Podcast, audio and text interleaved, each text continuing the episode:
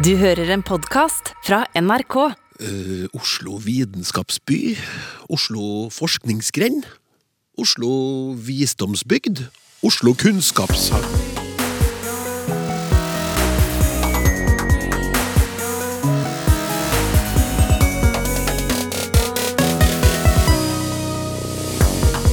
Kan et såkalt innovasjonsdistrikt med internasjonale ambisjoner ha et helnorsk navn? Eller må vi rett og slett krype til språkkorset og bare si 'yes, please' til Oslo Science City? Språksnakk med Klaus Sonstad. Vitenskap versus science. Det blir navnedebatt i dagens Språksnakk, hvor vi også skal lære litt om å skrive enkelt, noe som er ganske vanskelig for mange. Familieterapeut, foredragsholder og ikke minst standup-komiker Dora Thoralsdottir er gjest i Ut med språket, mens en S som har sneket seg inn i en ny lov, står i sentrum i ukas spørsmål fra en lytter.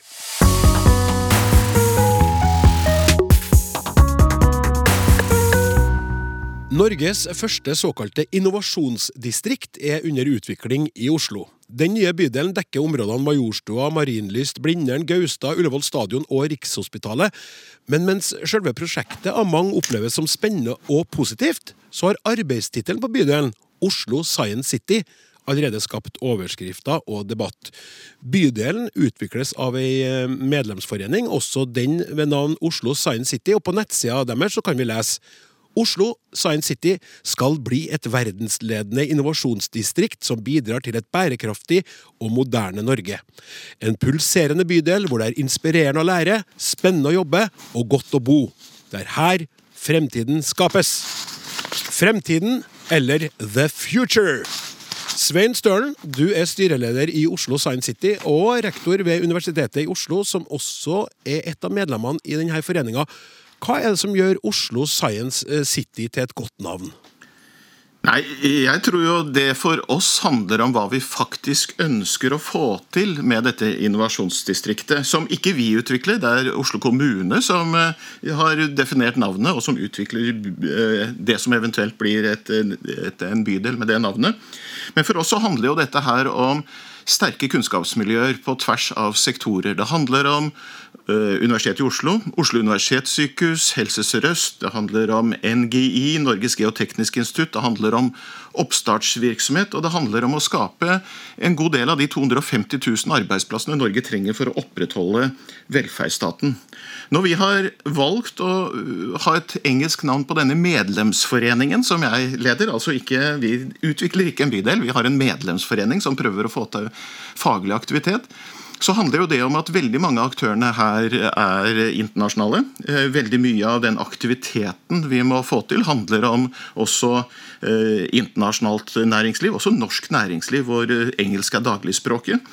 Så, så, det er vel grunnen til at vi har valgt samme tittel på, på, medlemsforeningen som Oslo kommune har i sin campusplan, som var vedtatt i 2019 på tvers av politiske part, partilinjer. Ok, Språkdirektør Åse Vetås, du har bedt Oslo Science City om å skaffe seg et norsk navn.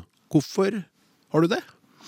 Dette er jo en medlemsforening som har det navnet, men når en ser på nettsidene til den medlemsforeningen, så står det jo nettopp det du leste opp. altså De, de omtaler et, et, område.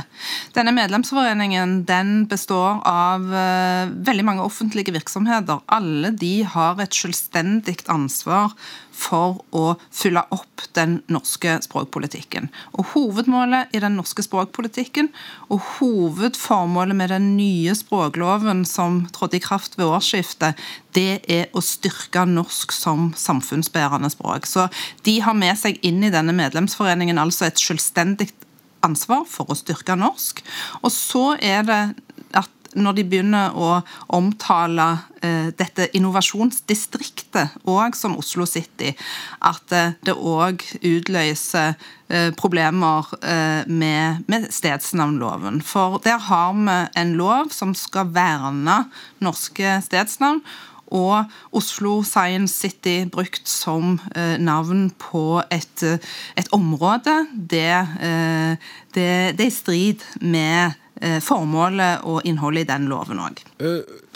Svein, som jeg, etter det jeg har forstått, så opplever du at det her med om man skal velge norsk eller engelsk navn på norske virksomheter, at det er et dilemma? Ja, for, for, det første igjen, altså det, Medlemsforeningen bestemmer jo altså ikke navn på en bydel. Det er det noen andre som gjør, så det jo, er riktig. Det er men, men, generelt så tenker jeg at uh, vi er uh, generelt og skal være opptatt av norsk språk. Så jeg er opptatt av å prøve å hva skal vi si, skape også norske begreper der hvor det er riktig.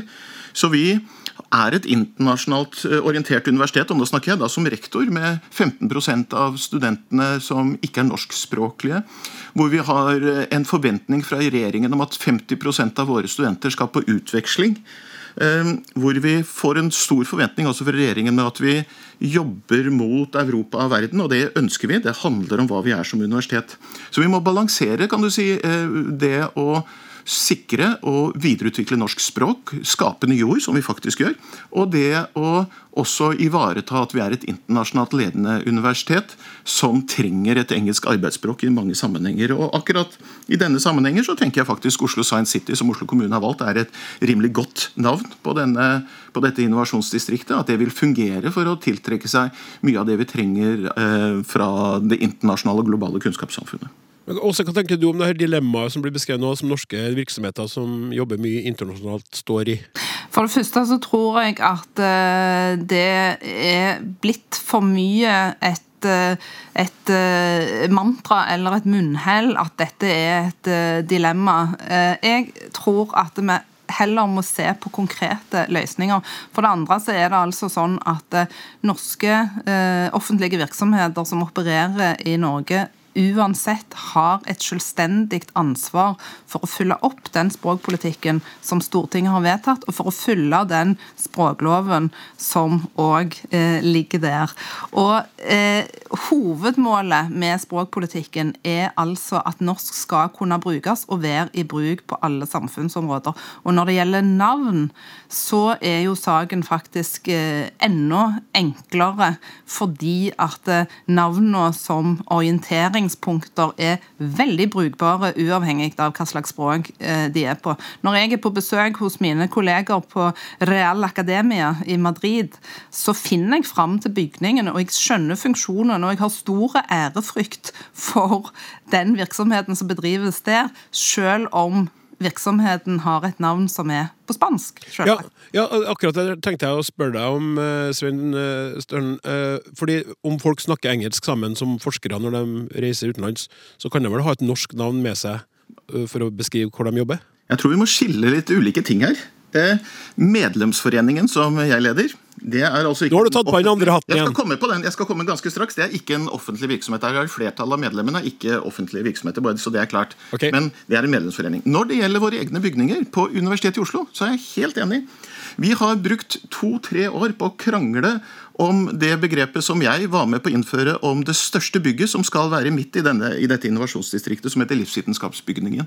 Da vi innførte det, så var det bare life science som ble akseptert som begrep i Norge. Så vi måtte virkelig kjempe i motvind for å få si, etablere det begrepet på norsk. Vi har i det huset også etablert noe vi kaller nå Veksthuset for livsvitenskap. Vi har et begrep på Universitetet i Oslo som vi kaller miljøhumaniora. Det fantes ikke tidligere. Så jeg tror det er ekstremt viktig at Universitetet i Oslo er bevisst i språkpolitikken, og jeg vil påstå at vi er det, og våre bygninger har norske navn. Ja, også Det må du kort kommentere. Ja, jeg syns jo det er helt på sin plass at bygningene på Universitetet i Oslo har, uh, har norske navn. Så, så, det tenker jeg er uh, utgangspunktet her. Uh, jeg syns det ville være veldig oppsiktsvekkende hvis de ikke hadde det. Men denne medlemsforeningen som, som Svein Stølen peker på, er jo Der er det jo veldig mange store, tunge norske virksomheter. I tillegg til Universitetet i Oslo så er det altså Helse Sør-Øst, det er Oslo universitet universitetssykehus, og det er flere store, tunge aktører som, eh, som Stølen òg eh, nevnte. Og alle disse er eh, viktige språkpolitiske aktører, og de skal virke for innbyggerne i Norge. Og språket, det er den viktigste infrastrukturen vi har i dette landet. Og da må de aller største og aller eh, viktigste virksomhetene våre òg gå foran eh, med et godt forbilde. Ja, vi skal høre her eh, noen ord fra kulturminister Anette Trettebergstuen, som var gjest hos oss eh, i Språksnakk for eh, noen uker siden. Hun var relativt tydelig på hva hun mente om å sette engelske navn på norske institusjoner. Bare hør her. Ja, det der er en stor uting, og det vil jeg ha en slutt på. Jeg syns det er eh, helt borte vekk at eh, norske institusjoner og norske aktører skal få engelske eh, navn, eller navn som egentlig ingen ikke sier noen ting om kjernevirksomheten. Og når Språkrådet, som eh, er vårt eh, hva skal jeg si, språkkompetansesenter, advarer eh, mot bruken av enkelte navn, men ikke blir hørt, så syns jeg det er, ja, det er for dårlig. Ja. Og det vil du gjøre noe med? Ja, absolutt. Jeg mener at Språkrådets stilling skal styrkes, og at Språkrådet skal lyttes til. Vi har en rekke eksempler på det jeg mener er eh, dårlige navnevalg på, på kjente, gode virksomheter. Eh, eh, Vy, Mesta, Equinor, Oslo Met. Ja, Oslo Science City er det nyeste. Vi må bruke gode norske betegnelser på gode norske virksomheter, rett og slett. Ja, Nå skal det sies til Oslo Science City sitt forsvar at det forstår vi jo hva betyr, Svein. Men hva eh, syns du om det statsråden eh, uttaler? Nei, men Jeg ville aldri finne på å lage et engelsk navn på en norsk institusjon eller på en bygning. Dette handler også om en medlemsforening som vi har valgt å kalle det samme som Oslo kommune har putta i sin campusstrategi. Men Hva syns du om at Oslo kommune har putta det i jeg sin campusstrategi? Jeg syns det er et godt navn, fordi at dette er, beskriver en utvikling av, en, av, av et område hvor vi skal skape nye arbeidsplasser. Eh, så er jeg enig i at vi må passe på at vi ikke går for langt. Vi har jo Ocean Space i Trondheim, vi har Media City i, i, i Bergen. På NRK så snakker de alltid om runs når vi er på idrettsarrangementer osv., så, videre, så vi må passe språket. Eh, men eh, det er noen balanser her, og akkurat Oslo Science City i forhold til det vi prøver å få til, tenker jeg er formålstjenlig, fordi vi skal skape eh, framtidens arbeidsplasser her, og akkurat her tenker jeg det fungerer. Må gjerne komme et norsk navn i tillegg. Da vil vi selvsagt benytte det når vi diskuterer dette på norsk, men det er det altså ikke vi som bestemmer. Det er igjen veldig viktig. Eh, vi har en medlemsforening som har brukt det samme navnet som Oslo kommune har valgt i sin campusstrategi. Det er greit. Eh, I Språkrådet også, så har dere sendt eh, flere brev til Oslo Science City der dere peker på hvilke forpliktelser de har når de skal sette navn på virksomheten sin. Hva, hva, hva står ellers i brevene? Nei, der står det om det eh, objektive ansvaret som eh, disse eh, store offentlige virksomhetene har for å ivareta det norske språket. Og det står òg om de lovforpliktelsene som ligger der. Både de som ligger til språkloven og de som ligger til stedsnavnloven. Og så er det jo òg sånn at eh, denne medlemsforeningen eh, burde jo eh, kunne ta kontakt med Oslo kommune og, og diskutere dette hvis det er sånn at de ikke er enige i det navnet. Men jeg registrerer jo at medlemsforeningen bruker navnet Oslo Science City ikke bare om foreningen, men òg om området, eller distriktet, som de kaller det. Så, så, så det at det at dette òg er i ferd med å sette seg som et områdenavn, det er det ingen tvil om. Men det er altså i strid med navnevernparagrafen i stedsnavnloven. Ja, hvordan jobber dere sammen med Oslo kommune? da? det er jo dem som har denne eh, campusstrategien som du nevnte. Hvordan jobber medlemsforeninga sammen med dem for å finne et navn på bydelen som oppfyller kravene i språkloven og stedsnavnloven? da? Men, men, men, dette må jeg si at dette ligger på Oslo kommune. Ja. Medlemsforeningen er opptatt av å få til disse faglige synergiene. Vi er opptatt av å få til verdiskapingen. Mm. Sikre at vi klarer å beholde alle de startup-bedriftene som er i hele Universitetet i Oslo universitetssykehus, at de ikke flytter ut av landet. Det er vårt uh, fokus. Um, og jeg tenker at uh, Men har Åse, har Åse et poeng i at dere kaller området for Oslo Science City, da, selv om du sier at det er kommunen som bestemmer navnet, så bruker dere jo det navnet på området også? Ja, fordi det er det som ligger i campusstrategien. Mm. Ja. Ja. Jeg har eh, vært i kontakt med Oslo eh, kommune om eh, dette, og så sent som i dag så fikk jeg et svar på forespørselen min, og de sier altså at det ikke er gjort noe vedtak om at Oslo Science City skal være navn på området. De peker òg på at dette er navn på medlemsforeningen. Så det foreligger altså ikke noe formelt navnevedtak som gjelder den, den geografiske, det, det geografiske området. Men jeg må spørre oss, vet oss, Du er direktør i Språkrådet, jeg aner jo hva du vil si, men sånn det blir mer og mer engelsk som påvirker oss. De unge i dag eh, bruker engelsk i det norske, og som Svein beskrev, de skal ut i verden og representere toppnivå av forskere fra Norge. Er det så farlig, egentlig? Hva er problemet? Ja, Først og fremst så vil jeg si at jeg syns det er fryktelig dårlig gjort at det er ungdommen som får skylda for dette. Altså, Ungdommen tar til seg de språklige signalene som vi sender. Og når vi sender signaler om at eh, alt som gjelder ting som er store og fine, og som vi skal vise fram til resten av verden, at det må foregå på engelsk, så er det klart at det, det er et signal om norsk språk sin status.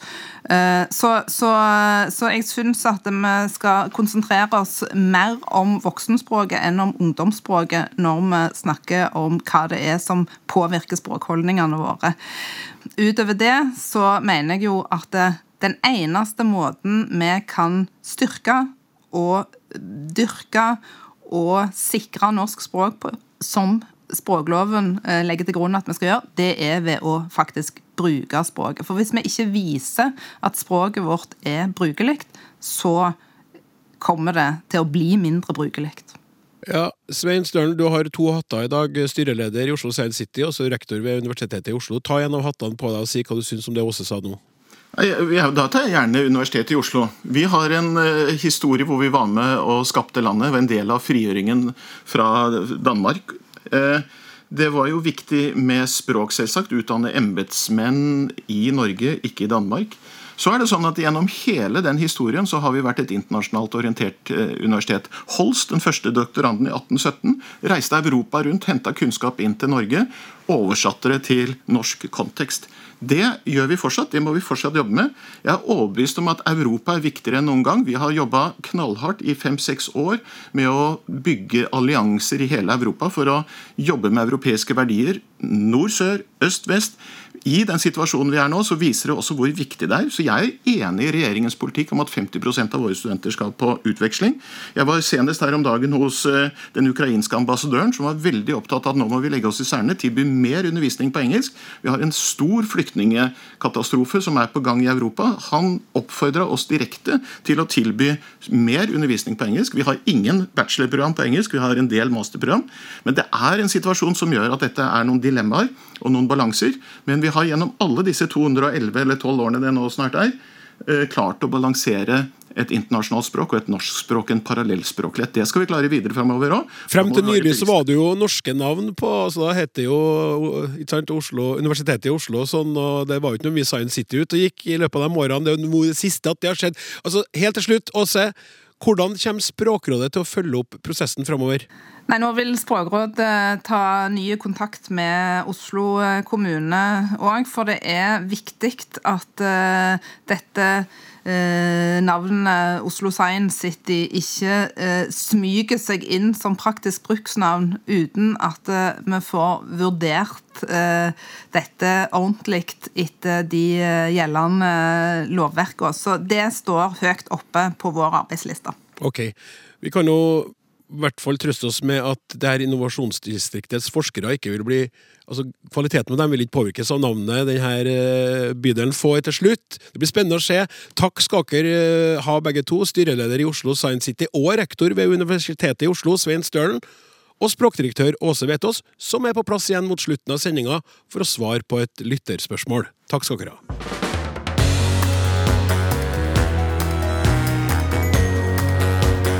Hør flere episoder av Språksnakk i appen NRK Radio. Og apropos lytterspørsmål. Neste uke blir det en ny runde med lytterspørsmål spesial. Hele timen er via dere som hører på. Noe som betyr at du, kjære lytter, nå har sjansen til å få svar på dine språklige funderinger. Send en e-post med det du lurer på, til snakk. Ukas gjest i Ut med språket er glødende opptatt av klart språk og åpen kommunikasjon. Hun begynte sin yrkesutdanning på lærerskolen, men skjønte fort at det var journalist, eller standup-komiker, eller familieterapeut hun ville bli.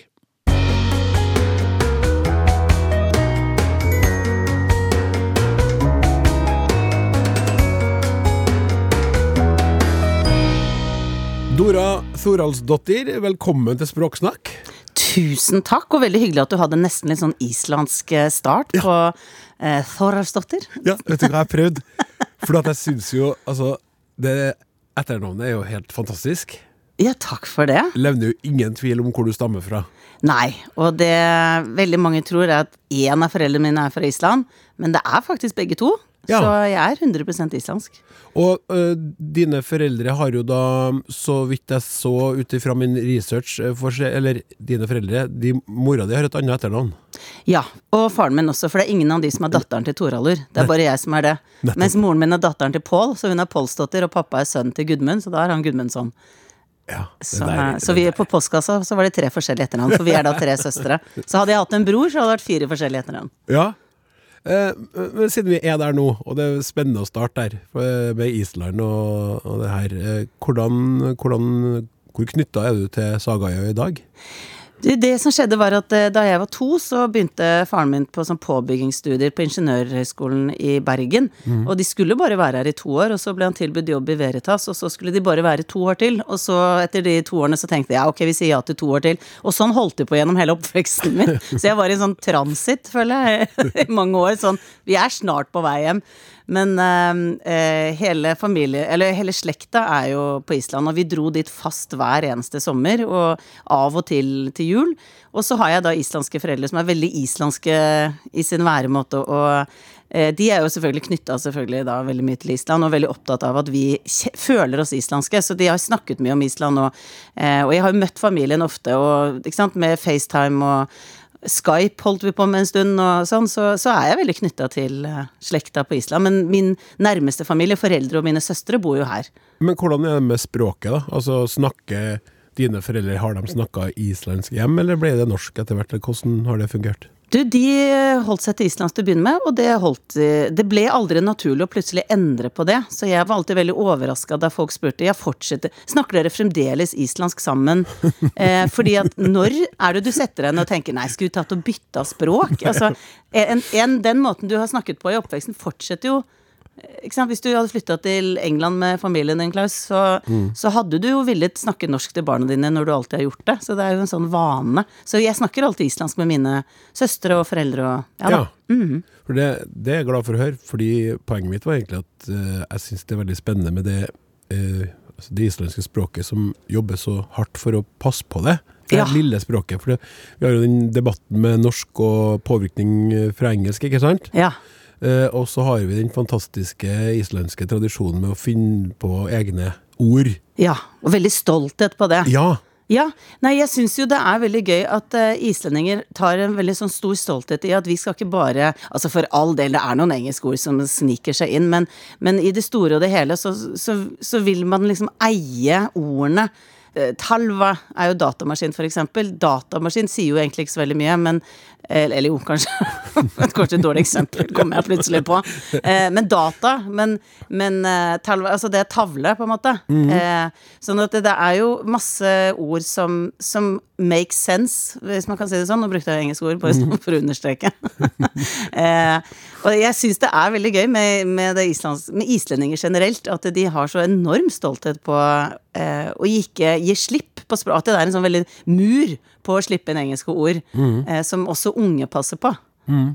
Uh, Selv om du nå hadde det vi kan kalle slip of the tongue, og brukt engelsk da i, et, i Ja, språksnakksammenheng. fy-fy. Ja, men hva tenker du om, som er da islandsk-norsk, kan vi si nå, Ja. eh, om det som foregår i Norge når det gjelder påvirkninger fra engelsk? Legger du merke til det med folk rundt deg, barna dine? Eh, Ja, jeg merker det veldig med barna mine, fordi spesielt sønnen min eksempel er 13 år og ser mye på YouTube og er veldig påvirket, og de, det er TikTok, og de bader jo i det engelske språket, begynner veldig tidlig, eh, og jeg kunne liksom Altså, jeg har, jeg har ikke noen kampsak på at å, dette er helt forferdelig, for jeg tenker at det, det er en naturlig konsekvens av at når du bader i et språk, når du får det veldig mye, så blandes det inn med ditt uh, morsmål, liksom. Eh, og da husker jeg for eksempel bare da eh, Sønnen min er da 13, og jeg tror det var kanskje i fjor at han begynte å si lilla til fargen lilla, og ikke purple eller orange. Han brukte veldig lenge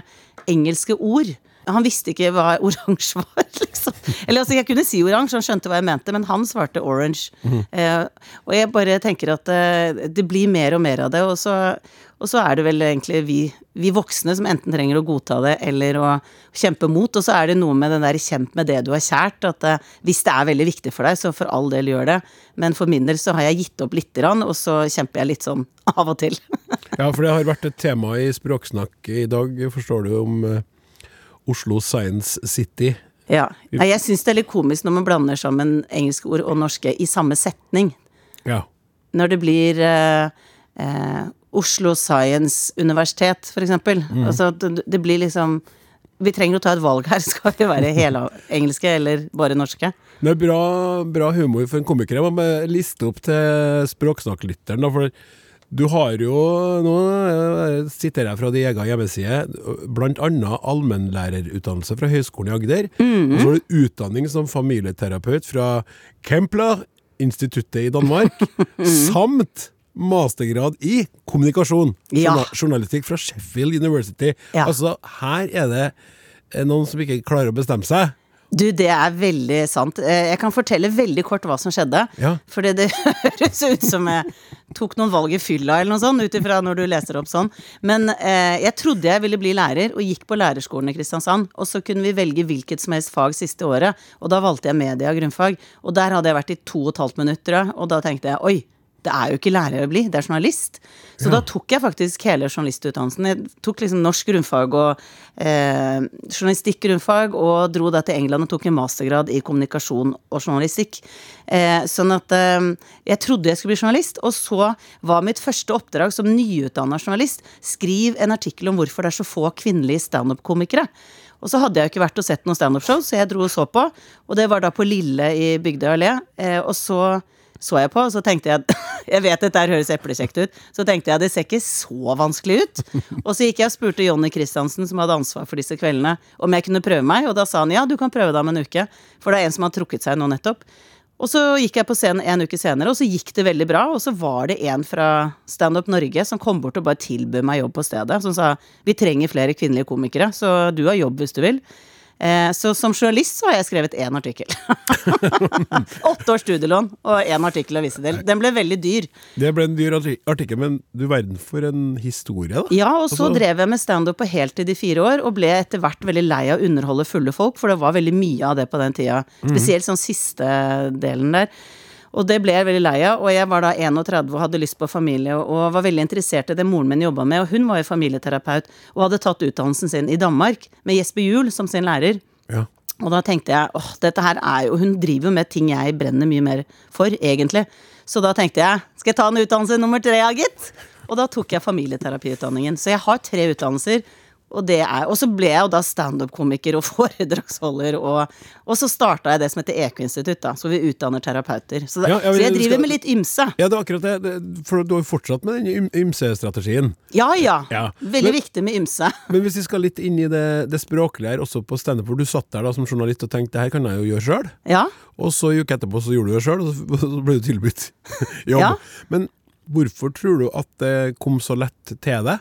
Eh, Hva, hva, hva er det hos deg som gjør at uh, overgangen blir så, så såpass enkel, da? for å si Sånn. Ja, det som veldig mange som jobber som komikere blir spurt om, var om de var klassens klovn, og det var jeg ikke. Det vil jeg ikke si. Jeg, var, jeg har alltid vært veldig utadvendt, eh, men ikke vært noe sånn klassen Jeg har ikke tøysa og tulla så mye.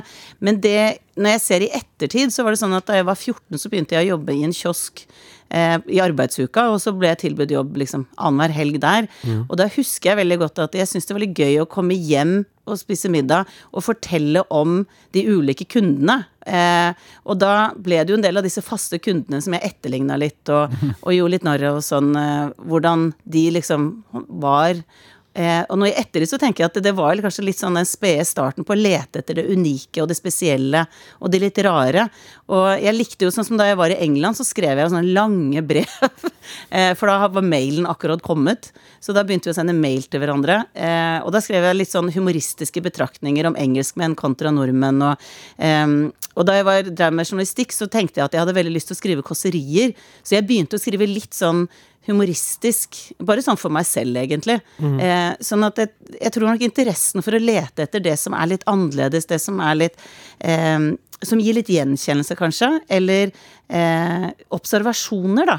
Det har jeg egentlig drevet med uten å være klar over det ganske lenge. Ja, Sånn for, for den, eh, det å være journalist for mange, da, det er jo det med å observere Ja. og, og være nysgjerrig, sant? Mm. Så der hadde jo den der, kanskje den kontakten mellom journalistikken og standupen, det at du hadde Ja. observert folk og funnet, funnet det, som du sier, karakterer, som man ofte også formidler i tekst når man er journalist, eh, gjerne på featuresida i hvert fall. ja, det er nettopp det. Ja. Så, ja, men, men, men eh, det første showet, hvis det stemmer, som du laga, det, det heter 'Det var ikke sånn det skulle bli'? Ja, for det som skjedde, var at Det, det er også litt artig med tanke Ja. på Nei, det er en ganske snodig historie, det også. Fordi jeg drev med standup i 2000 til 2004 på heltid, og etter hvert ble litt lei av det. Og så begynte jeg med familieterapistudier og tenkte jeg skulle aldri tilbake på standup. Det var ikke planen min. Så i ti år så var jeg borte fra standup-scenen. Jeg var nesten ikke og så på noe show engang. jeg. Jeg tenkte det var bare bare Veldig gøy periode av livet, men det var jeg ferdig med.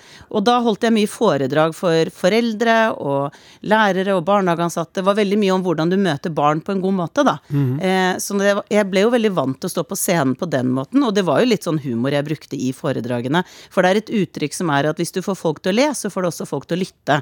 Som jeg tror veldig sterkt på, fordi alle liker å le. Så hvis du gjør det litt sånn eh, humoristisk innimellom, så sitter alle egentlig og venter på neste anledning til å le. Ja. og derfor følger de faktisk litt ekstra med. Eh, så, så jeg hadde på en måte treningen å stå der, men jeg overhodet ikke tenkte på å gå tilbake igjen. Og var veldig opptatt av relasjoner og starta en skole hvor vi utdanna terapeuter og sånn. Og så ble det slutt med han som, jeg, han som da er far til mine to barn, som tilfeldigvis også er standup-komiker. Eller var det, da. Jon Skau. Han var en av de første standup-komikerne i Norge. Så eh, ble det slutt med han, og da hadde jeg ikke gjort standup på ti år. Og så syns jeg det var så flaut å være eh, liksom relasjonsterapeut. Jeg var på TV og snakka om relasjoner, og så hadde jeg ikke fått til mitt eget forhold. Så jeg satt i sofaen hjemme, og så tenkte jeg faktisk setningen Det var jo ikke sånn det skulle bli. Jeg skulle leve et sånn vellykka liv.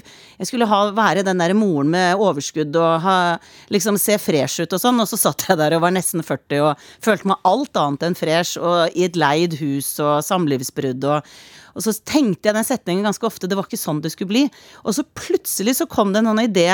Det er egentlig et ganske bra navn på et show, et standup-show om alle forventningene som ikke ble.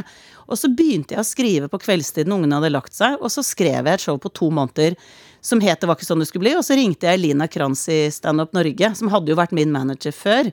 Og så sa jeg hei, jeg har ikke gjort standup på ti år, jeg har ikke snakka med deg på ti år, men nå har jeg skrevet et show, og jeg syns det burde settes opp på Latter. Og hun bare yeah!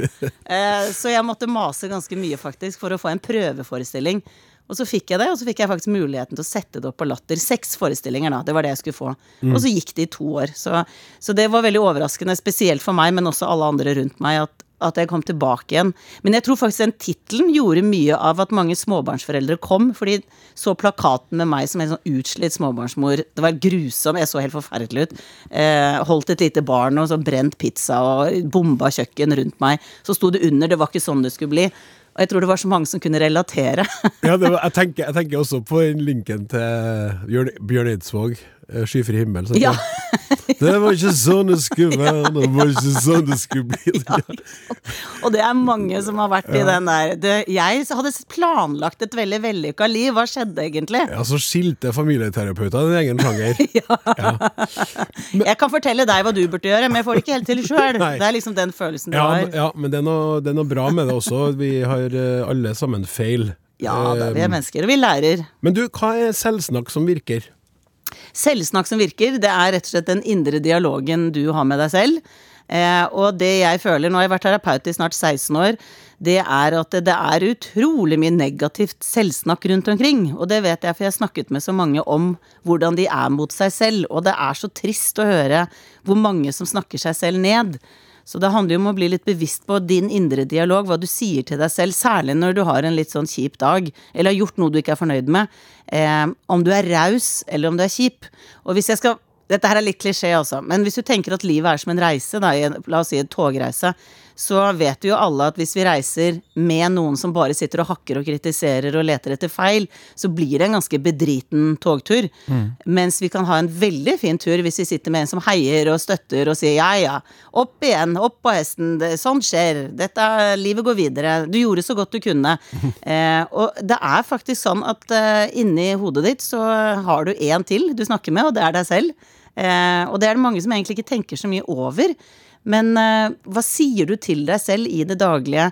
Hva sier du til deg selv når du ligger nede? Um, være bevisst på hva du sier til deg selv, det er liksom nummer én. Det går ikke an å endre på noe du klar, før du er klar over det. Og så er det det å begynne å være snillere og rausere og mer som du kanskje hadde vært mot et barn du er glad i, da. Ja. At du er mer støttende. Snillere. Men, men, og, og da, du har også snakka om det med at man skal bruke et personlig språk. Ja, jeg er eh, Og start vi- setningene med Ja. Nå, dette, nå hiver du femmeren på her. Nå kan jeg, holde, nå kan jeg ha et foredrag en time her. Ja, jeg skal ja, prøve å altså, fatte det- meg i korthet. Ja, men det er spennende, så jeg vil gjerne at du skal si litt om det, men en time får du dessverre ikke. Nei, det skjønner ikke, ikke, ikke i dag. Nei, men dette her er noe jeg kanskje brenner nesten mest for, og det er at det, er nettopp språk, og derfor er det så bra at du har dette programmet her. Fordi at eh, det er det mange som ikke er klar over hvilke ord du kan bruke, eller i språket, som gjør at en konflikt eller en uenighet eskalerer, og så er det ord som demper og gjør det mye bedre. Og ordet jeg vil jeg påstå er magisk. Det å begynne setningen din med jeg. Hvis du er f.eks. uenig med noen og sier 'jeg mener at', 'jeg tenker at', 'jeg vil at', 'jeg syns at', 'jeg tenker at'. Og det som er så magisk med det, er at da tar du ansvar for det du sier, mens det motsatte er f.eks. å begynne med 'du', 'mann' eller 'vi'. Du kan ikke holde på sånn. Man gjør ikke sånn. Vi er jo ikke en bedrift som gjør det på den måten, ikke sant. Og problemet der er at da føler folk seg veldig angrepet. Mens hvis du begynner med 'jeg', det som er så utrolig kult med det lille ordet der, er at du sier ingenting om den andre. Du bare sier hvordan verden ser ut fra ditt ståsted. Og da oppleves det ikke eh, truende, og det er bare du som snakker ut fra deg selv. Så det er så mange, tror jeg, som hadde hatt nytte av å begynne med 'jeg', for da eier du det du sier. Det, det er én avsender. Eh, jeg tenker at eh, vi gjør det på den måten. Hva tenker du om det? Eller jeg mener at eh, dette her er kanskje ikke helt veien å gå. Jeg tenker at det hadde vært bedre hvis vi gjorde det på den måten. Hva tenker du? Det er Altså, det er fred i verden og Kumbayama-lord-stemning med en gang. mens eh, du, mann og vi, det eskalerer enhver uenighet. Og det samme med må, bør og skal. Det er også sånn veldig oppleves belærende ovenfra og ned. Du må jo det. Man skal jo sånn. Man bør jo sånn. Det er som om du prøver å oppdra voksne mennesker. Og det er det faktisk ingen som liker. Det liker jo ikke barn engang. Nei, nei, det er jeg veldig enig i. Eh, og- og så, ehm, eh, jeg tenker på en annen ting. Nå sitter jeg her og prater med Dora Thoraldsdottir. Prøver meg på henne. Ja. som, er, som er så mangt, men eh, også familieterapeut og foredragsholder og standuper. Altså, når du sier det her med eh, jeg, eller jeg, ja. så jeg merker jeg de gangene jeg har gått i sånne samtaler der jeg skal bli litt personlig, så kan jeg også bruke mann for å skape litt avstand til det som jeg syns er litt vanskelig å snakke om om meg sjøl. Ja. Det har Mange sikkert merka. Ja, i sånn terapisammenheng at man dytter, dytter det takk unna. Ja. Eh, og så blir jeg da oppfordra til å si ei, og så merker jeg med en gang at det blir sterkere. Ja. Det er snålt. Da Ja. snakker jeg jo bare om meg sjøl. Ja, fordi at med en gang du har, bruker mann, du, mann eller vi, eh, så er det på vegne av det norske folk du snakker. Ja. Man kan jo bli redd i sånne situasjoner. Man blir jo fort forbanna når man blir snakket til på den måten. Man kan Da jo bli lei seg når uh, man har uh, kjærlighetssorg. Ja, ja. Mann. mann, det, ja. Så, så det er liksom på vegne av Vest-Europa at uh, mann føler det slik. Mens det å si 'jeg blir lei meg' når du blir sint på meg, eller 'jeg blir uh, redd', og det er derfor jeg reagerer som jeg gjør, da eier du det, og så kommer du ut Det er på en måte en spotlight som kommer på deg, da, og det er derfor mange syns det er skummelt også å begynne med 'jeg' først, fordi at du, du blir synlig. Eh, og jeg syns også det er utrolig interessant med personlig språk at det er en veldig god anledning til å bli kjent med seg selv. Fordi hvis du begynner en setning med f.eks. 'jeg vil', så er det faktisk ikke mulig å fullføre setningen uten å være innom deg selv. Men hvis du bruker det som er det motsatte av personlig språk, det som heter generelt språk, dvs. Si å begynne med du, mann eller vi, eller må, bør og skal, og de ordene der, så er det sånne fraser. Du trenger ikke å mene det selv engang. Eh, du kan ikke holde på på den måten her. Det, da er du ikke om bord selv. Men hvis du sier 'jeg vil at du slutter med det der', så klarer du ikke å si det med mindre du mener det. Eh, og derfor blir det så mye sterkere, og da lytter folk til deg på en helt annen måte. Og det samme er når du setter ord på følelsene dine, så får du det bedre i situasjonen din. Og eh, for eksempel, jeg er sint, jeg er forbanna, jeg er irritert, jeg syns ikke noe om dette her. Da roer det seg med en gang når du setter ord på følelsene dine. Som jeg tenker, wow, tenk hva språket Hva vi er i stand til med språk, er å roe oss selv ned og få det bedre. Eller hvis du er sårbar og lei deg, jeg blir lei meg, jeg er veldig utrygg, jeg er veldig nervøs, jeg er usikker, så roer det seg. Eh, og hvis det samme skjer hvis du setter ord på en følelse du ser hos en annen, jeg ser at du er lei deg, hva skjer med deg? Eller jeg opplever deg veldig eh, opprørt, hva foregår? Det å være interessert i andre menneskers følelser, det er egentlig ubetinget kjærlighet i praksis. Fordi at vi er våre følelser, så når følelsene våre blir tålt, og noen er interessert i følelsene våre, så føler vi oss sett. Og veldig ofte så sier vi at det er viktig at du ser barna dine eller kollegaene eller sant, At folk føler seg sett. Men vi snakker ikke så mye om hva skal til for å føle seg sett. Og det er når følelsene blir anerkjent. Når vi blir tålt. Og det er det vi innerst inne alle drømmer om, er å bli tålt for den vi er. Det vil si følelsene våre. Så når noen gir uttrykk for at 'jeg tål, Jeg ser at du er sint', hva er det det handler om? Eller 'jeg opplever deg veldig fortvila'. Hva, hva ligger bak? Da vil den personen 'Å, her er det trygt. Du tåler meg'. Istedenfor å bli kritisert, f.eks. på en følelse. Eh, Og det er ofte starten på en konflikt også, ikke sant. Så må du være så sint. Er det noe å grine for? Jesus, nå, lager du, nå er du drama queen. Det er da vi liksom veldig fort Ok, men da er det opp med våpenet. Fordi kom ikke her og si at jeg ikke skal være sint! Eh, så da eskalerer det. Jeg er ikke sint! Ja, så det, det er en språkskole på Mann Man er litt småirritert. Mann er litt småirritert når man ikke har spist på en stund. Ja. Ja. Men den, eh, det, det her EQ-institutt, Ja. eller EQ-instituttet for å ta det på norsk Ja. Ja. ja jeg starta det med moren min. ja. Fordi eh, jeg var da ferdig nyutdanna eh, familieterapeut. Og så hadde hun videreutvikla den terapiformen til å bli eh, litt mer at vi Du lukker øynene og snakker med Det er en veldig kjent eh, gren innenfor psykologi også, altså ditt indre barn. Eh, men å gå litt tilbake til hendelser som har vært vanskelige, og oppvekst som kanskje ikke har vært så bra.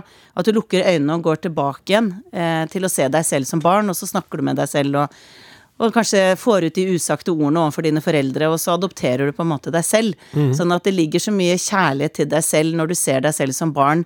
Da dømmer du ikke deg selv så hardt som vi ofte gjør når vi er voksne. Så det å få liksom kontakt med ditt indre handler egentlig bare om å få kontakt med din sårbarhet og følelsene dine. Men det er en veldig smart måte å få kontakt med deg selv på. Så, så vi har da en skole som 520 går på i Stavanger og Bergen og Oslo. Ehm, som er veldig, jeg syns det er veldig veldig spennende. Så jeg driver jo med da det, og terapi, og denne podkasten som er Relasjonspodden heter den. Ja. Og så er det jo da og Nå er vi jo knapt å komme inn på det, vi rekker ikke så mye av det. Du, du har jo et nytt show nå? Overganger? ja, vet du hva? Jeg har laget et show som hadde premiere i høst, og jeg er på turné. Jeg har hatt eh, 59 forestillinger rundt omkring i Norge. Eh, så jeg skal på turné resten av 2022 også. Eh, ja, overalt. Og det handler rett og slett om at jeg er 48 og visste at jeg skulle ha mitt tredje soloshow eh, i 2021. Og så av en eller annen grunn tenkte jeg hvor gammel er jeg da? Og så tenkte jeg å, da er jeg 48. Og så skvatt jeg. Fordi jeg vet at mamma kom i overgangsalderen da hun var 48. Så for meg har 48 vært et litt skummelt tall. Og plutselig var jeg 48 og tenkte «Hå! men hva skjer i overgangsalderen? Nei, det vet jeg ikke. Og så tenkte jeg, er det ikke litt rart at jeg er den alderen jeg skal komme i overgangsalderen, og så er det ingen som snakker om det, ingen som vet hva det er?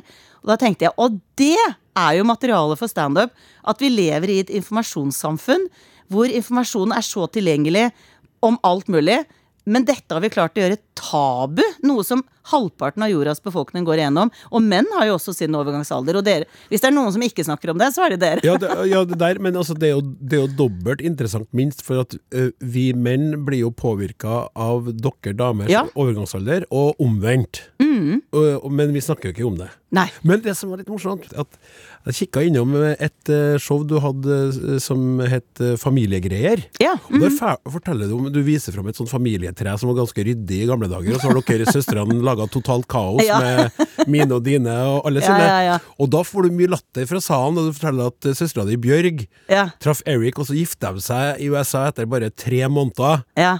Og så får du masse latter fra salen, da, for det, er sånn, det sier litt om eh, hele opplegget. Men så har du jo sjøl sagt ja til kjæresten din etter bare Ja. tre måneders forhold. Ja.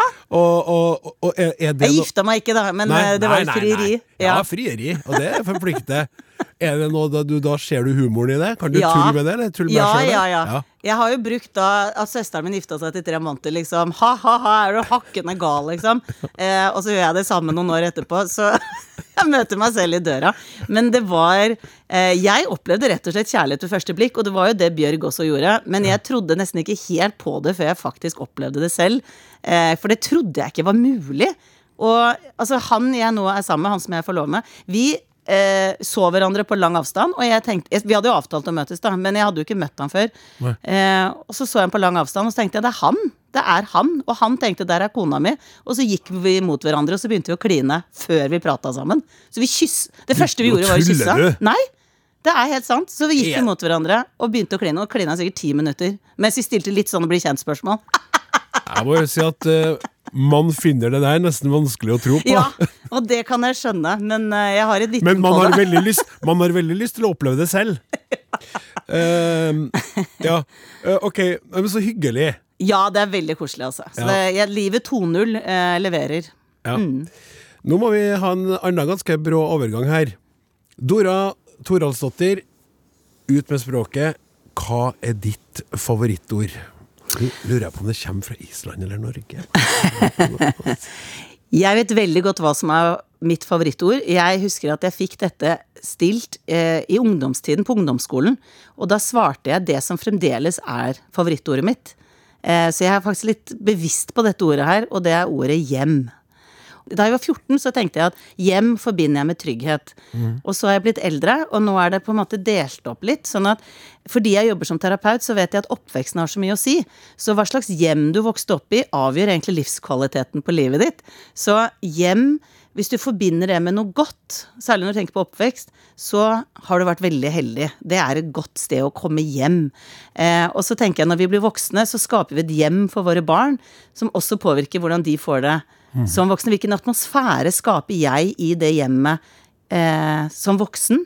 Og så tror jeg også, fordi jeg er så innmari nyforelska nå, og vi driver og bygger en hytte, og vi skal flytte sammen etter hvert, så har er blitt så veldig opptatt av vårt fremtidige hjem. Så jeg legger så mye i det, fordi det er der livet foregår, på mange måter. Og det er der det er så godt å komme tilbake igjen. Så for meg så er det ordet hjem det, det ligger veldig mye i det for meg. Så det vil jeg si. Hjem. Eh, Helt nydelig.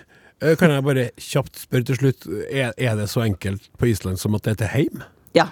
Ja, nettopp. Heim. Ja. Ja. Komme hjem. Det er å komme hjem. Og jeg tror kanskje det Jeg tror det ligger litt i oss, uten kanskje at vi er klar over det. Fordi nå er det jo helt klisjé, da, men veldig lenge var det populært med å kjøpe disse bokstavene.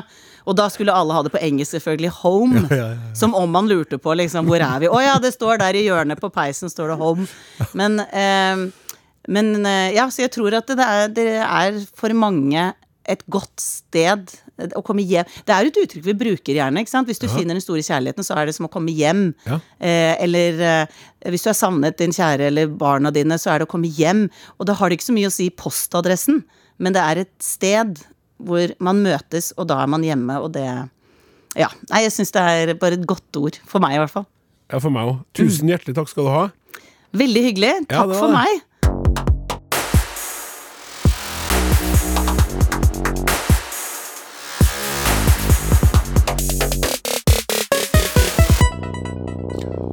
Å skrive godt er, om mulig, enda viktigere enn før. Lesere har dårlig tid, og du er nødt til å fenge dem med en gang. Men hvor skal du starte? Hva gjør du når PC-skjermen din lyser hvit og hånlig mot deg fordi du ikke har skrevet et eneste ord? Vel, du kan for eksempel høre på Språksnakk, for vi har nemlig fått besøk av tekstdoktor Kristine Calvert og forfatter og selvutnevnt tekstnerd Ove Dalen, som har skrevet innledninga jeg akkurat leste opp. Den er å finne på side ni i den nye boka deres Skriv godt, bli forstått. Hjertelig velkommen! Tusen takk. Tusen takk. Altså, dere to.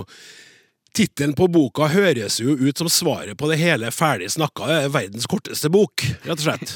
Skriv godt, bli forstått. Men så enkelt er det jo ikke. Hvorfor er det så vanskelig å skrive godt og bli forstått?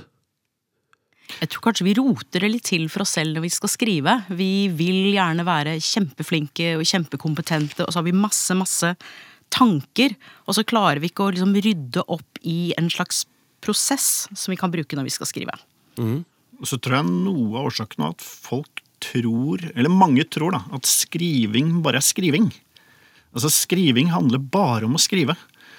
Og det er en liten sånn uh, kortslutning. Fordi skriving handler også om forarbeid, det handler om planlegging. Det handler om etterarbeid, redigering og kanskje litt testing. Så det, som, det er mange flere elementer. som folk sitter her og skriver, da tenker jeg nå sitter jeg jo og skriver, hvorfor er det så vanskelig? Jeg sitter jo og skriver, det er jo det det er blitt om å gjøre. Jeg skal jo skrive en tekst, jeg sitter jo her og skriver en tekst nå. Så mangler det noen grunnleggende ting. Ja, for, for det vi ofte ser, både Ove og jeg, er at det mange ikke tenker på før de begynner å skrive, det er hva er hovedbudskapet? Det er fort gjort å begynne å skrive og rote litt her og litt der, og dette ser vi jo masse ut i næringslivet. Hva er det ene viktige leseren skal sitte igjen med når hen er ferdig med å lese dette her? Og så en ting til også er at jeg tror mange er tjent med å se for seg én person når de skriver. Fordi når du har hovedbudskapet på plass, og du ser for deg en tenkt leser som du bryr deg om, som du virkelig bry, skal forstå det du skriver om, så tror jeg at mange ting faller på plass som ellers uh, kunne blitt litt mer rot. da, Rot og rør. Ja, og da, når man da har funnet den ene, Ove, så er det kanskje noe med å klare å senke skuldrene, da. Uh, Når man skal skrive til den ene der. Du, du, har, du er opptatt av at man skal lære seg å skrive, du får si det sjøl. Skriv drit. Eh, og det, dette er noe jeg sier altså Både jeg og Kristine holder jo masse kurs og trener opp folk i dette her. Ja. Og, og et av de virkelig store problemene er jo dette med høye skuldre. Altså Folk er livredd for å bomme med den første setningen sin. De tror at uh, skriving er en gudgitt gave, der alt skal komme på plass i løpet av de tre første setningene. Og alle vi som har skrevet mye, uh, vi vet jo at sånn funker det jo ikke. Begynn å skrive noe greier. Det kan være drit, det kan være halvbra, men begynn å skrive. Kom inn i skriveprosessen, kom inn i flytsonen. Få ut noe greier. Og så er det det herlige. Det er jo at når du har skrevet masse greier, så kan du jo redigere. Du kan redigere deg selv. Du kan fjerne alt det som er dårlig drit. Og sitter ofte igjen da med ikke sant? Hvis man skriver mye, så ser man jo ofte at jo, men herregud, dette her må jeg bare fjerne. Dette, er- den setningen, den setningen. Fjern, fjern, fjern. Men så sitter du igjen med noen gullkorn inni der. Og her kommer håndverket inn. ikke sant? For det vi snakker mye om, altså Skriving er et håndverk. Mm. Det der at du kan flikke, eller liksom få bort og fjerne og få mer luft i teksten.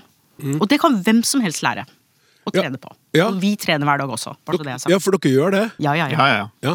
Det er ikke sånn at dere satt dere ned og skrev den boka, og så bare var det? Nei, tvert imot. Det var en skikkelig Det var en jobb, altså. Ja, for der Så kommer måtte ta egen medisin. Ja, ja, men hva var vanskelig, eh, vanskeligst for dere når det gjaldt boka, da? Og hva er vanskeligst? Innhold eller oppbygging? Ja, hvis du ikke vet hva du skal skrive, så hjelper det ikke å disponere og lage disposisjon. Men du kan jo heller ikke lage disposisjon hvis det gjør at du stivner helt. Men det vi gjorde feil med boka, vi gikk jo alle de klassiske skribentfeilene, var at vi begynte eh, Vi trodde at vi hadde en god struktur og satte i gang og lagde kapitler, og så viste det seg at å nei, her har vi skrevet om dette to ganger, og dette burde komme før dette. Så vi gjør det som alle andre gjør. Det vi diskuterte, altså Diskusjonen i boka gikk vel først og fremst Kristine, på struktur, faktisk. Ja, faktisk, det var det det vi brukte mest tid på å diskutere.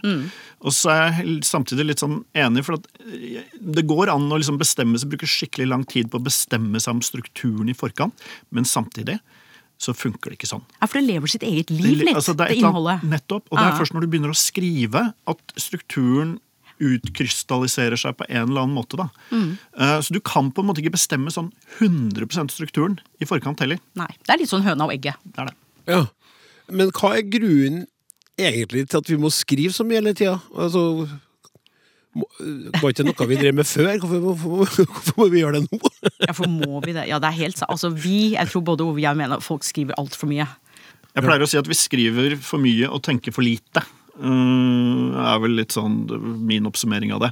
Ja. Altså Det er for mye som vi bare dytter ut uten å tenke egentlig over om dette har livets rett. Og for mye vi dytter ut uten å egentlig tenke ordentlig over hva vi egentlig skal si. Ja, for Vi snakker jo om at hvert ord og hver setning må kjempe for livet. Ja, Og, det, og da, altså når det er mengder av tekst som en person, mottaker, skal konsumere, da, så kan det jo være en ganske slitsom opplevelse hvis den teksten i tillegg ikke er noe godt skrevet. Det er, nett, det er nettopp det. Og, resultatet av det er jo at mottakeren må bruke masse tid på å tenke. Eh, Og tenk hvis det er 500 mottakere nettopp. i en organisasjon. 500 mennesker må tolke det én person har skrevet. Det er ikke bra. Nei, Nei, jeg ser det for meg når alle sitter fortvila på kontorene. Eller det her åpne landskapene så høres ut som bare sånn unisont stønn Ja. gjennom det store lokalet. Hjelp! Men øh, ok, la oss si nå at dere har øh, gjort øh, språksnakklytteren nyfiken, og tenker at ja, de sier jo faktisk at det går an å bli god til å skrive, selv om man fram til nå kanskje føler eller sånn Selv om jeg føler at jeg ikke var det fram til nå. Hvis jeg vil bli god til å skrive, hvor begynner jeg da? Der har jeg en kjepphest, Klaus, og det er at for å bli en god skribent, så er du nødt til å lese andre ting enn i nettaviser og sosiale medier. Så jeg oppfordrer alle til å Det høres kanskje litt sånn voldsomt ut å lese skjønnlitteratur, men å lese ting du ikke er vant til å lese. Jeg leser for eksempel Vokt opp til Jehovas vitner, eller jeg kan lese Du leser hva, sa du? Våkn opp, det kjente bladet til Jovas vitner. Altså, det er bare ett eksempel på Ja, ja, jeg har den lille Jesusboka hjemme også, uten at jeg er religiøs.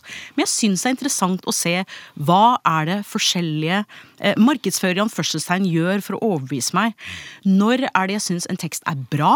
Når er det jeg syns en tekst er dårlig? Hva gjør at det er bra eller dårlig? Eller den er bra, dårlig. Eh, og hvordan kan jeg bli en bedre skribent med å lese det andre leser? Og så må jeg bare legge til podkaster også. Hør på podkaster, hør på radioprogrammer du vanligvis ikke hører på. Les tekster du vanligvis ikke leser for å bli en well-rounded, kan jeg si, som eksamerikaner, eh, person. Det er først da du blir bedre, når du utsetter deg for mange forskjellige typer. Hent inn tekstimpulser Yes. fra overalt, rett og slett. Og så vil jeg legge til også, og det er sikkert litt sånn basert på min egen erfaring, og jeg kan jo liksom kokettere litt med at jeg ikke var så flink til å skrive når jeg i yngre dager, og det er egentlig litt sant. Jeg var ikke så veldig flink til å skrive, men det er noe med å finne ting som man er interessert i, eh, også for å komme i gang, som jeg tenker er viktig. Altså ikke starte med å skrive det vanskeligste, ting som du overhodet ikke er interessert i, men start med noe, et tema eller et eller annet som du selv er opptatt av, eller brenner for, eller liden, har lidenskapen din, tenker jeg ofte gjør det mye enklere. Uh, og så, i hvert fall for min del, så var det sånn. Jeg begynte med å formidle musikk, eh, både radio og, og tekstlig, i aviser. Og så etter hvert så skjønte jeg at uh, ok, jeg blei jo ganske bra til å skrive av dette her, selv om jeg i utgangspunktet kanskje ikke var det. Mengdetrening, altså. Og så etter hvert begynte jeg liksom å lære meg alle håndverksgrepene, teknikkene. Eh, og så til slutt så endte jeg opp med å snakke om skriving. Musikk er liksom perifert nå. Jeg er fortsatt glad i musikk, men det er på en måte kjernen i skriving som, eh, som jeg lærte meg. Og, og hvis eh, man da sitter her og tenker ok, jeg går i gang, men hvordan skal jeg komme i gang? Altså Én ting er selvfølgelig bare å få noen ord ned på papiret. Eh, måten jeg jobber på, er at jeg skriver, klasjer ned masse. Og så kommer jeg bare bort fra teksten. Så jeg liker å gå tur, eksempel, bare for å få hjernen eh, i gir, hvile litt. For hjernen min fortsetter å jobbe mens jeg er ute. Så kommer jeg ut på tur, kommer meg litt bort fra det jeg skriver. Og så gå tilbake, se på det med friske øyne, skrive litt mer. Og så er jeg litt, kanskje litt rar, men jeg liker å ha på meg skriveklær. Så jeg har altså verdens styggeste joggebukse. Altså jeg kan ikke bevege meg ut i den buksa. Men da sitter jeg så godt, og så er jeg liksom i skrivemodus og i flyt. Og det som er ekstra bra med det, er hvis noen kommer i familien, og kanskje si en av gutta mine kommer og 'Mamma, kan du lage kakao?' Og så ser han de der stygge buksene, og så sier han 'Mamma jobber'. Og så går han som har lagd kakao sjæl. ikke noe kakao! Blir ikke noe kakao. Ingenting. Så, så Ja, det, det, det er både et sånn komfortabelt skriveplagg og en advarsel til Yes. andre om at du skal få være i fred. ja. Ja, smart. Ove, har du noe Nei, altså det, jeg jeg syns jo som alle andre at det kan være, eh, det kan være vanskelig noen ganger. Altså det er noen klassiske sånn der utsette, utsette, utsette. Men en teknikk som vi beskriver i boken, og som både jeg og Kristine bruker, tror jeg, er litt sånn å sette Si at vet du hva, nå skal jeg skrive i 45 minutter. Og så kan jeg ta meg ti minutter, kvarters pause. For at Hvis du setter noen sånne tidsrammer, så, så føles det På en eller annen måte så, så klarer du liksom å ramme inn og tenke at det blir ikke en sånn uendelig greie. Du bare sier at vet du hva, nå skal jeg jobbe intenst i 30 minutter med å skrive, og så skal jeg få lov å ta meg en pause, og så skal jeg skrive igjen. Syns jeg ofte det er mye lettere i hvert fall, enn å bare tenke at nå har jeg hele kvelden på meg. Mm. For at da blir det en sånn uendelig greie som føles litt sånn uoverkommelig, og da bare utsetter jeg det. Mens hvis jeg setter noen ja, tidsfrister for jobbingen, da, ofte mye enklere. Og det jeg kan legge til der, er å sette av tid i kalenderen din til å skrive. Fordi i hvert fall hvis du jobber i næringslivet, da har du blokkert den tiden så du ikke blir kalt inn på en haug med møter. Så det er kjempelurt. Eh, Og så er det noe generelt med å ha respekt for at det tar lang tid å skrive godt. Og dette gjelder ikke bare vi som skriver, men ledelsen.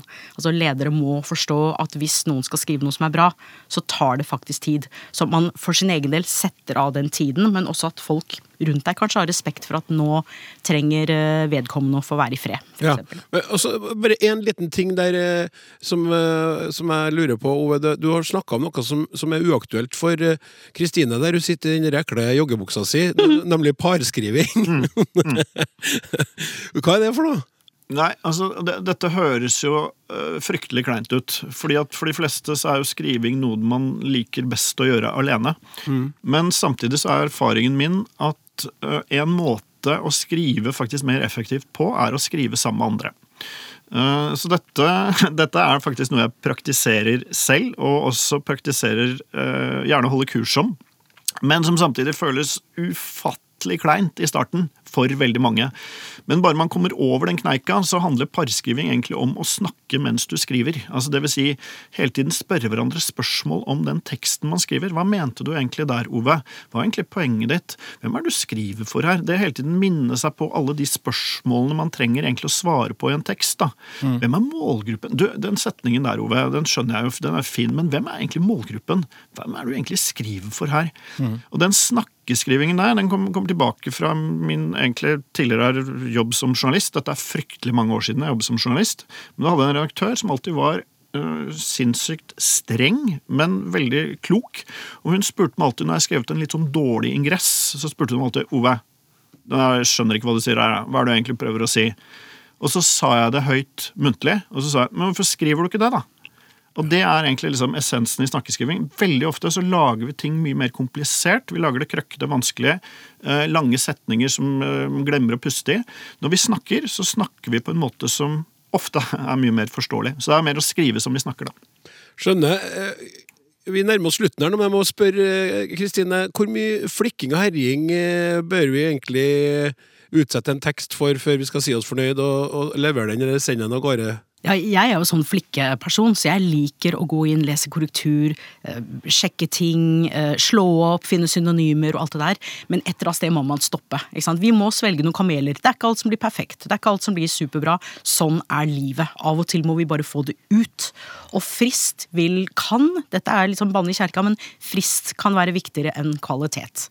Så det er klart kvalitet er superviktig, men det kan hende at du må ofre det siste, siste lille finpussen. Eller kanskje du har tid til det. Ja, og, og så eh, helt til slutt da, eh, fra dere begge, du kan begynne Ove, noen sånne siste korte tips til dem som nå vil gå i gang med å skrive godt og bli forstått? Når man, altså, for å vite når ting er ferdig, uh, istedenfor å bare sitte og skrive og skrive og skrive og skrive over hele natta, så kan det kanskje være smart heller å, når du har skrevet eh, en, en god porsjon, bare teste det på noen, og bare spør du, hva syns du om dette her, hvordan funker det? For da får du en tilbakemelding som gjør at det er mye lettere å finne ut hva du skal jobbe videre med. Test det på noen, eh, få feedback. Takk for det. Kristine, helt kort. Min siste life hack, det må jeg ha med, det er å smile når du skriver, for da skriver du bedre. Supert. Tusen takk skal dere ha, Kristine Kalvert og Ove Dalen, forfattere av boka Skriv godt, bli forstått. Språksnakk. Da er det klart for et lytterspørsmål, og nå sitter jeg sammen med Språkrådets direktør Åse Vetås, og det er veldig fint at du er her i dag, Åse, for spørsmålet her handler jo om noe som dere har vært med å uttale dere om. Ja. Ja. Hei! Stortinget vedtok i 2021 en ny lov om barnevern som skal erstatte dagens lov. Den nye loven heter Lov om barnevern, med offisiell korttittel Barnevernsloven, mens gjeldende lov heter Lov om barnevernstjenester, med korttittelen Barnevernloven. Begrunnelsen for hvorfor korttittelen endres, finner man i utredningen som ligger til grunn for loven, der det sies Utvalget har ikke funnet grunn til å endre lovens tittel, bortsett fra at ny lov skal hete Lov om barnevernstjenester, barnevernsloven. Dette er i samsvar med anbefaling fra Språkrådet. Gjeldende tittel, Lov om barnevernstjenester, gir etter utvalgets oppfatning god informasjon om hva loven handler om. Offisiell korttittel er fortsatt Barnevernsloven, som også er en informativ tittel. Mitt spørsmål handler ikke om barnevern eller barnevernstjenester, men om S som bindeledd mellom barnevern og lov i korttittelen. Jeg lurer på hva S-en betyr, og hvorfor Språkrådet tilrår tilføyelse av S. Jeg antar at dette har med såkalt fuge-S å gjøre, altså en S som legges til eksempel når det er sammensatte ord der det ene ordet i sammensetningen selv er sammensatt, hvilket er tilfellet for barnevernslov, barnevernstjenester videre. Men det er også nærliggende å anta at dette er en genitivsform, altså at S i barnevernslov egentlig betyr sin sitt. Da blir jo denne endringen av innholdsmessig betydning. Det er barnevernet sin lov. Dersom dette er konsekvensen, vil jeg påstå at endringen ikke er en forbedring. En lov som skal verne barna, bør først og fremst være barna sin lov, ikke barnevernet sitt eller tjenesten sin lov. Hva er riktig, og hva er godt språk? Har det betydning at lovens fulle tittel endres fra lov om barnevernstjenester til lov om barnevern for bruk av korttittel med S? Kan Språksnakk gi et svar? Vennlig hilsen Ragnhild Spigseth og Ragnhild. Hjelpes meg hvor du har fått kvalifisert svarer eh, i studio. Åse, vær så god. Ja. Jeg kan jo først begynne med å si at uh, denne S-en det er en såkalt uh, fuge-S eller binde-S. Så det har ikke noe med genitiv å gjøre. Så det er utgangspunktet.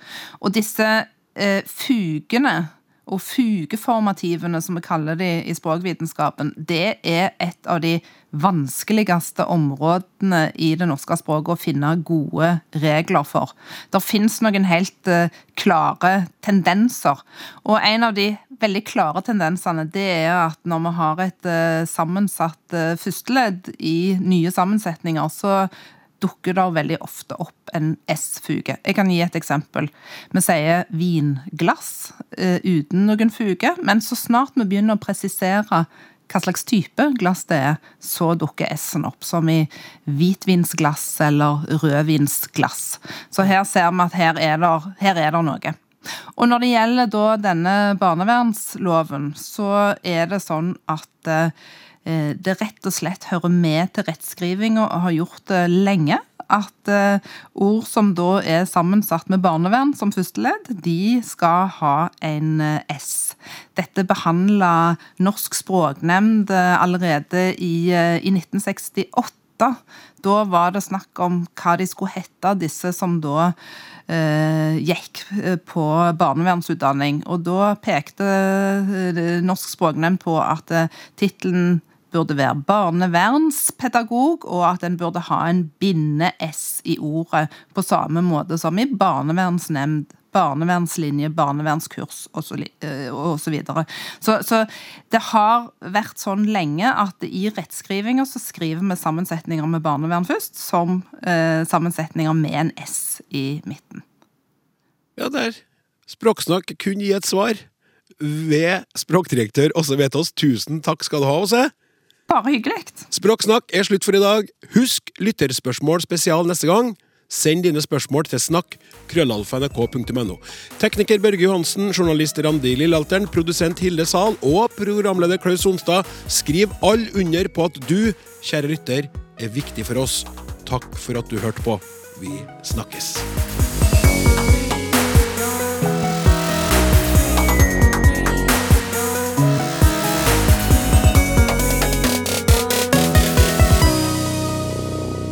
Du har hørt en podkast fra NRK. De nyeste episodene hører du først i appen NRK Radio. En podkast fra NRK. Vingen. Kjærligheten til bygda. Bygde-Norges drøyeste, morsomste, rareste. Historiske kjendiser. Coca Chanel, den fattige barnehjemsjenta som ble en av verdens mest kjente moteskapere. SOS Nødtelefonen. Når det skjer ei ulykke, ringer vi nødtelefonen. Redningssentral. Vi redda livet hans. Flere podkaster og din favorittkanal hører du først i appen NRK Radio. NRK Radio Vi hører sammen.